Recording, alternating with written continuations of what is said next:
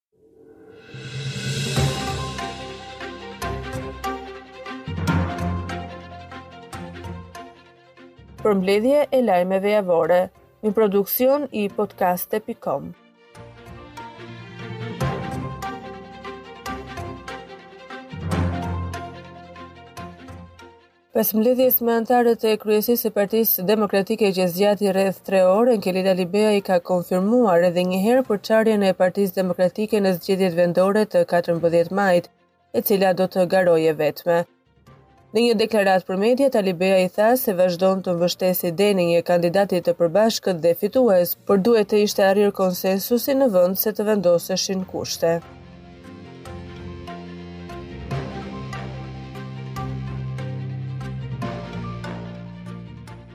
Një 49 vjeçar i shpallur në kërkim nga autoritetet italiane për vrasje të punonjësve të policisë është vënë në pranga këtë javë. Ilir Paja u ndalua në Laprak nga njësia speciale e Fast Albania në bashkëpunim me Interpol Tirana dhe shërbimet e Komisariatit të Policisë numër 3 në Tiranë me qëllim ekstradimin drejt Italisë. Paja i quajtur ndryshe nga autoritetet italiane si UFO ka një sërë precedentësh penalë që nga vrasjet dhe plagosjet me dashje deri tek përdhunimet.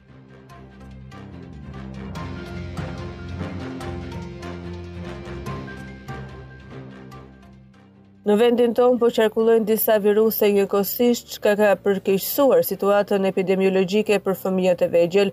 Në shërbimin e pediatrisë nuk ka asnjë shtrat të lirë për shkak të fluksit të fëmijëve që paraqiten me probleme të shumta respiratore. Në shërbimin e pediatrisë infektive ka grip, ka viroza, është virusi respirator sincicial. Mundohemi të japim ndihmë shpejt në mënyrë që të menaxhojmë shtretërit e të marrin shërbim të gjithë, thotë Xhorxhina Kule, pediatre.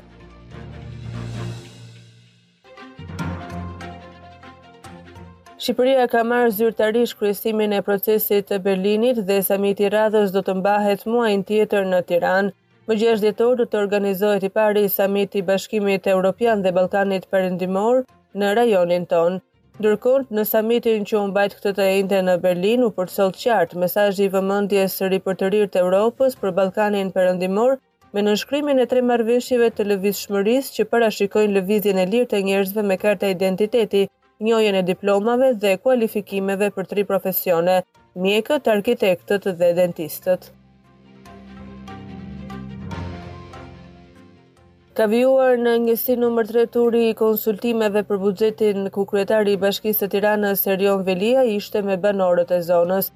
Edhe në këtë takim, Veliaj shpalosi disa prej projekteve kryesore të realizuara si dhe projekteve që vijojnë dhe që do të realizohen nga Bashkia e Tiranës jo vetëm për këtë zonë, por me impakt më të gjerë. Projektbuxheti i vitit të ardhshëm, tha Veliaj, do të jetë me fokus solidaritetin ku Bashkia do t'u japë një dorë atyre që janë më në nevojë dhe preken më tepër nga kriza që po shkakton lufta në Ukrainë në të gjithë Europën. Veliaj përmendi në veçanti studentët të cilët janë të mbështetur këtë vit si asnjë herë më parë me 50% të kostos së qëndrimit në konvikte, por edhe abonet falas. Unë besoj se në këtë vit të vështirë një nga gjërat kryesore të këtij buxheti duhet të jetë solidariteti, me fokus në ndihmë ata që janë më në nevojë. Ne kemi filluar që këtë javë, ku dhjetë mijë studentë kanë tërhequr abonet falas me qëllim që të udhëtojnë falas duke qenë se janë grupi më i prekur, nënvizoi Veliaj. Kryetari i Partisë së Lirisë, Ilir Meta, gjatë një bashkëbisedimi ka komentuar ikjen e të rinjve nga vendi ku tha se Rama fajson autoritetet britanike për fenomenin e shpopullimit, por një gjë e tillë është përgjegjësia e tij, pasi ai nuk krijon asnjë mundësi. Meta akuzoi kreun e qeverisë se po kryen sulm ndaj mediave e ndaj bizneseve dhe i ftoi të gjithë t'i kundërpërgjigjen me pjesëmarrje në protestën e dymbëdhjetë nëntorit. Presidenti i Shqipërisë Bajram Begaj ka zhvilluar një bisedë telefonike me homologen e tij Vjosa Osmani mbi situatën e tensionuar në veri. Në një postim në Facebook, presidenti Begaj shkruan se me presidenten Osmani kanë biseduar edhe mbi dorëheqjet e përfaqësuesve të Listës Serbe në Kosovë nga institucionet shtetërore dhe bllokimin e funksionimit të tyre. I shpreha shqetësimin presidentes Osmani dhe njëkohësisht inkurajova vazhdimin e dialogut mes palëve, duke patur në vëmendje ruajtjen e paqes dhe stabilitetit si dhe të integritetit territorial të Kosovës të garantuar nga NATO, shkruan Begaj.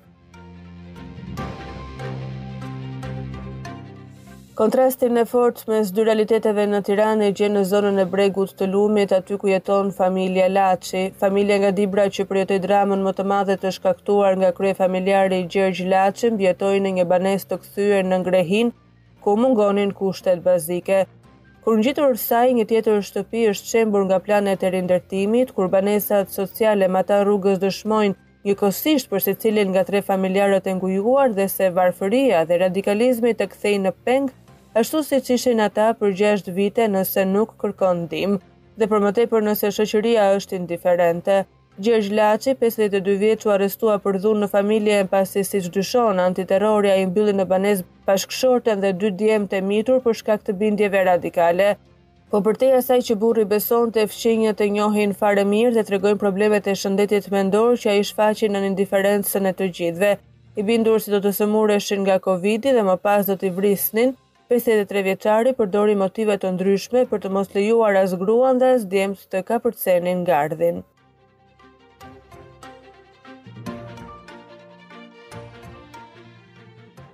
Një 40 vjeçar i dënuar me 25 vite burg për vrasje të mbetur në tentativë është ekstraduar këtë fundjavë në New York ku ndalua nga policia amerikane.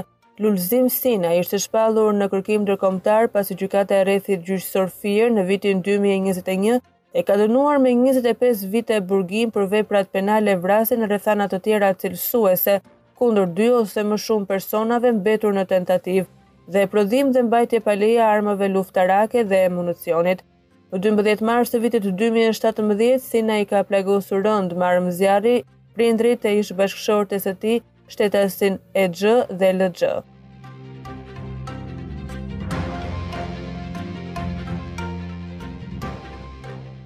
Përmbledhje e lajmeve javore.